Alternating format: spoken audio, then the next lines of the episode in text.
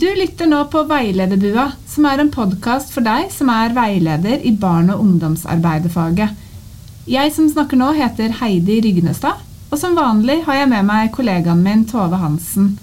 Vi jobber begge på Opplæringskontoret for helse- og oppvekstfag, og vi lager denne podkasten for deg som er veileder for lærlinger i Oslo.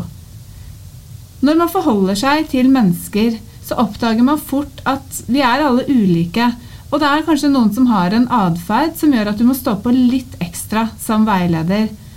Med enkelte mennesker så går liksom en sånn samhandling av seg selv, men det er ikke en selvfølge at den gjør det med lærlingen din. Og det er nettopp det vi skal snakke om i dagens episode. Hva er lurt for deg som veileder å tenke på dersom du har en lærling som er veldig usikker og forsiktig?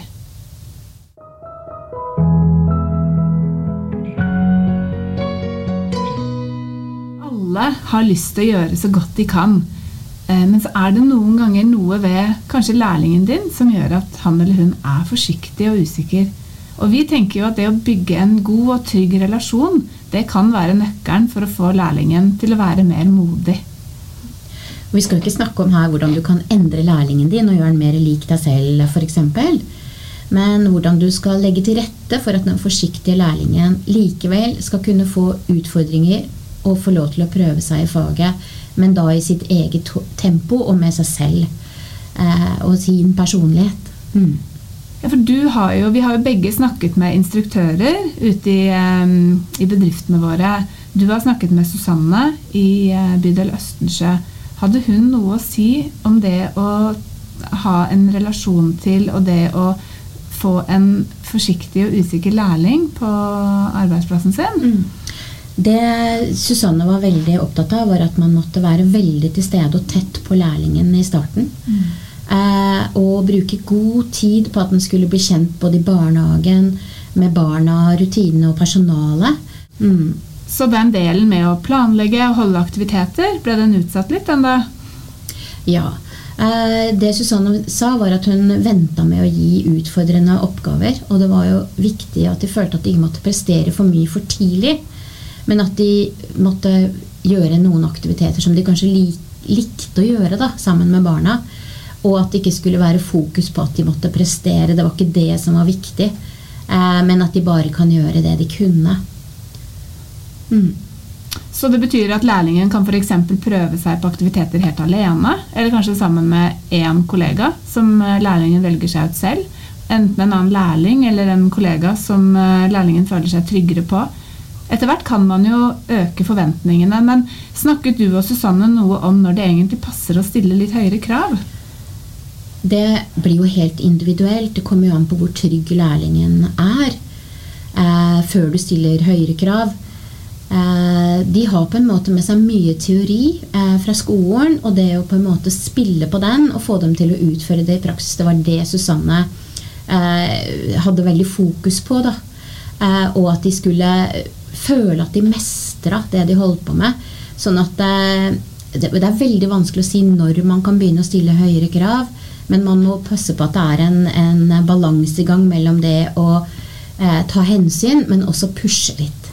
Så det handler om å finne liksom, til den proksimale sonen, det som er innafor rekkevidde, men som ikke ligger for høyt for lærlingen.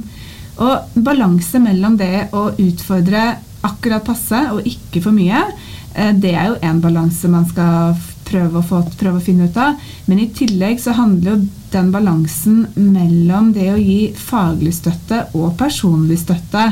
Eh, for i en relasjon til andre så skal du nettopp både gi støtte på det faglige og eh, på det personlige. Og for en usikker lærling så er det kanskje fort gjort at den personlige støtten får litt mye plass.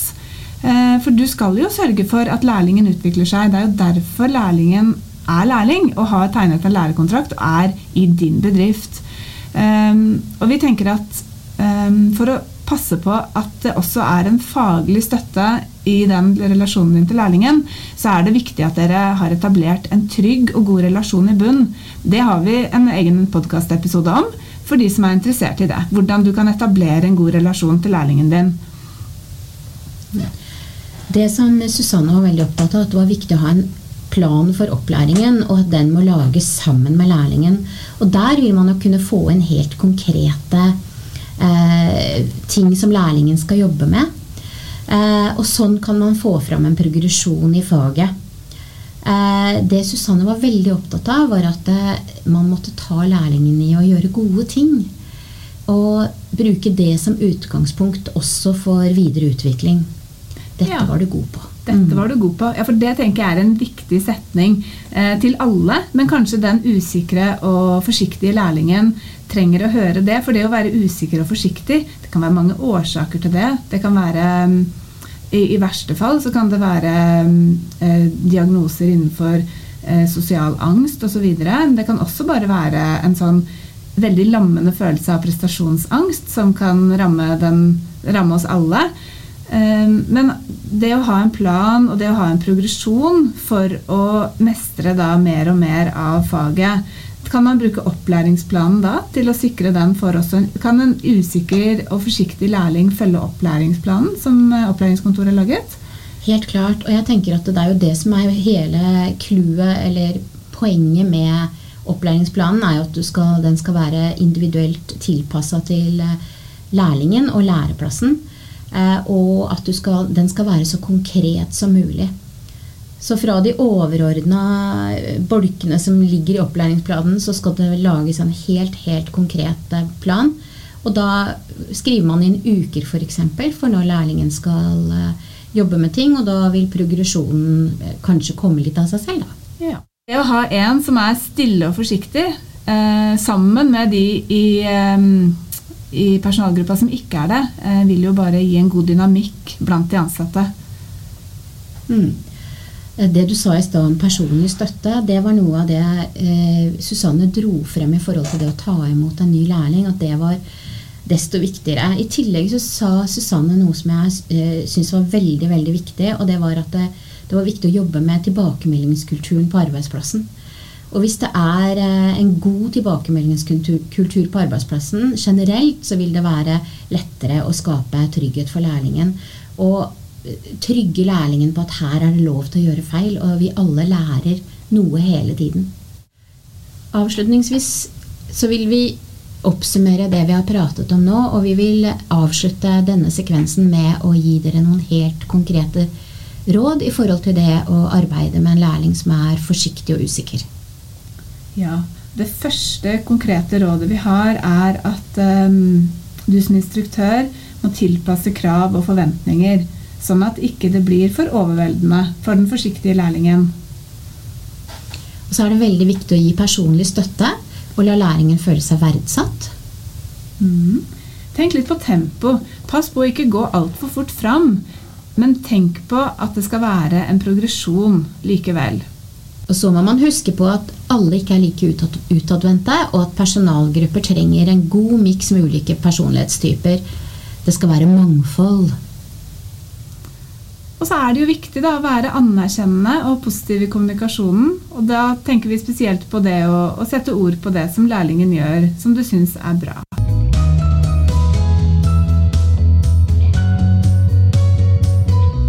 Hei og velkommen til veiledningshjørnet. I dag tenkte jeg at jeg skulle ta deg med på en øvelse, Lise. Den er grei. Hvis du tenker det er greit, ja. Og siden vi nå sitter ganske tett på hverandre her, så tenkte jeg at da vil jeg be deg lukke øynene. Mm -hmm. Og så skal du tenke på en voksenperson fra barndomstid eller ungdomstid som du møtte i skole eller gjennom fritidsaktivitet, eller barnehage for den saks skyld, og som du husker og ser tilbake på med glede. Skal du få kort, kort tid på det? Det ser ut som du er ferdig. Du kom raskt på igjen. Ja. ja. Hvem var det du tenkte på? Kirsti Heim. Og hvem er det? Jeg var jo ikke til stede i din barndom. Hun var kontaktlæreren min fra første til sjette klasse på Kirkelund skole i Skiptvet. Ja, en lærer. Mm. Ja, akkurat. Det er nok mange som eh, fort tenker på lærere i en sånn setting. Men hva var det hun gjorde som får deg til å huske henne med glede? Hun hadde den vidunderlige egenskapen eh, av å se alle elevene som gruppe, men hver for seg. Så hun så meg, rett og slett. Ja, hun så deg. Hun så meg og ga meg tillit. Eh, For eksempel eh, så fikk jeg hovedrollen i et skuespill, selv om jeg var kjempesjenert. Så jeg fikk liksom tillit og krav, da. Og så ga hun konkrete tilbakemeldinger eh, på ikke sant? Ikke sånn, du er flink i de de faga, men helt konkret, hva er det du er flink på? Så jeg husker jo uttalelser hun har skrevet i karakterboka mi nå, 30 år etterpå. Ja. Eller 30-40. ja, ikke sant? Så hun er, har vært viktig. Absolutt. Rett og slett, ja. Absolutt.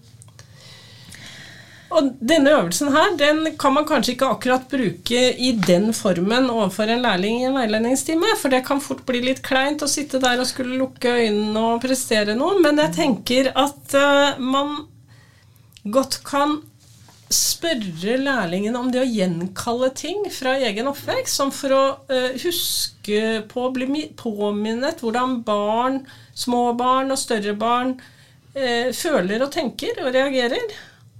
For det er jo noe vi kan om alle sammen. Det å være barn, det har vi alle vært. Og når man skal jobbe med barn, så er det veldig viktig å kunne sette seg inn i det igjen. Sette seg inn i barns verden igjen. Det å liksom snakke litt om for eksempel, Kan du huske at de voksne lo av deg, at du sa rare ting når du var liten, og så skjønte du ikke hvorfor du lo? Eller hvorfor de lo? Det er en sånn De fleste har gjort en Har, erfaring. har en sånn erfaring, ja, helt klart. Hvor ydmykende det var. Og så gjør man ikke det da når vi jobber med barn. Vi lar være å le av dem, tenker jeg.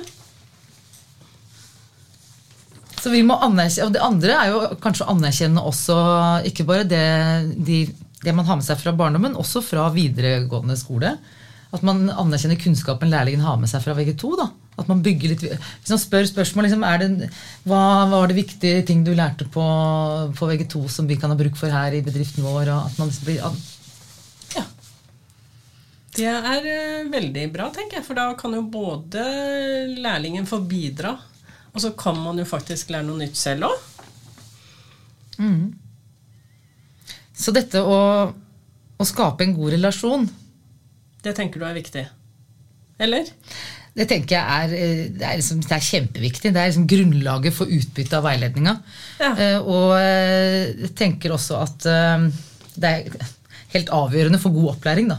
Mm. For har du en god relasjon, så, så skaper det trygghet. Eh, og, og det å, å føle seg trygg, eh, det gjør at du, du kan eh, ha lov til å være usikker og innrømme hva du ikke er god på. Og sånne ting. Og i tillegg så mener jeg at en god relasjon det kan øke motivasjonen for å lære, å lese og å jobbe. Fordi at da er det noen som ser meg. Eh, og eh, i tillegg så Hvis du har eh, lagd en god relasjon, da, så er det et godt grunnlag for å ta opp eh, ting som kanskje ikke er så ålreit. Som du kanskje vil grue deg til å ta opp. Vanskelige temaer. vanskelig. Eller fortelle Ja. ja. Nettopp. Så, så siden vi startet med det å, å tenke på en voksen person, og du sa at hun så meg, så det å se lærlingen, da, har man, da er man på vei til å skape en god relasjon. Ja, det syns jeg absolutt. Så det å se lærlingen med, med både Eller ved å anerkjenne den andre og skape tillit og konkrete tilbakemeldinger. Det tenker jeg må være dagens veiledningstips. Ja.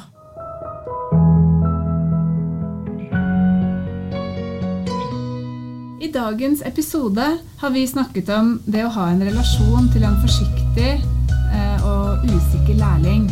Husk at du finner støttemateriell til denne podkastepisoden i OLK. Det ligger i ressurssenteret. Og vi tar gjerne imot innspill og spørsmål til podden vår, og de kan du rette til oss enten på Facebook eller Instagram, eller til e-posten vår postmottak.oho alfakrøll sye.oslo.kommune.no.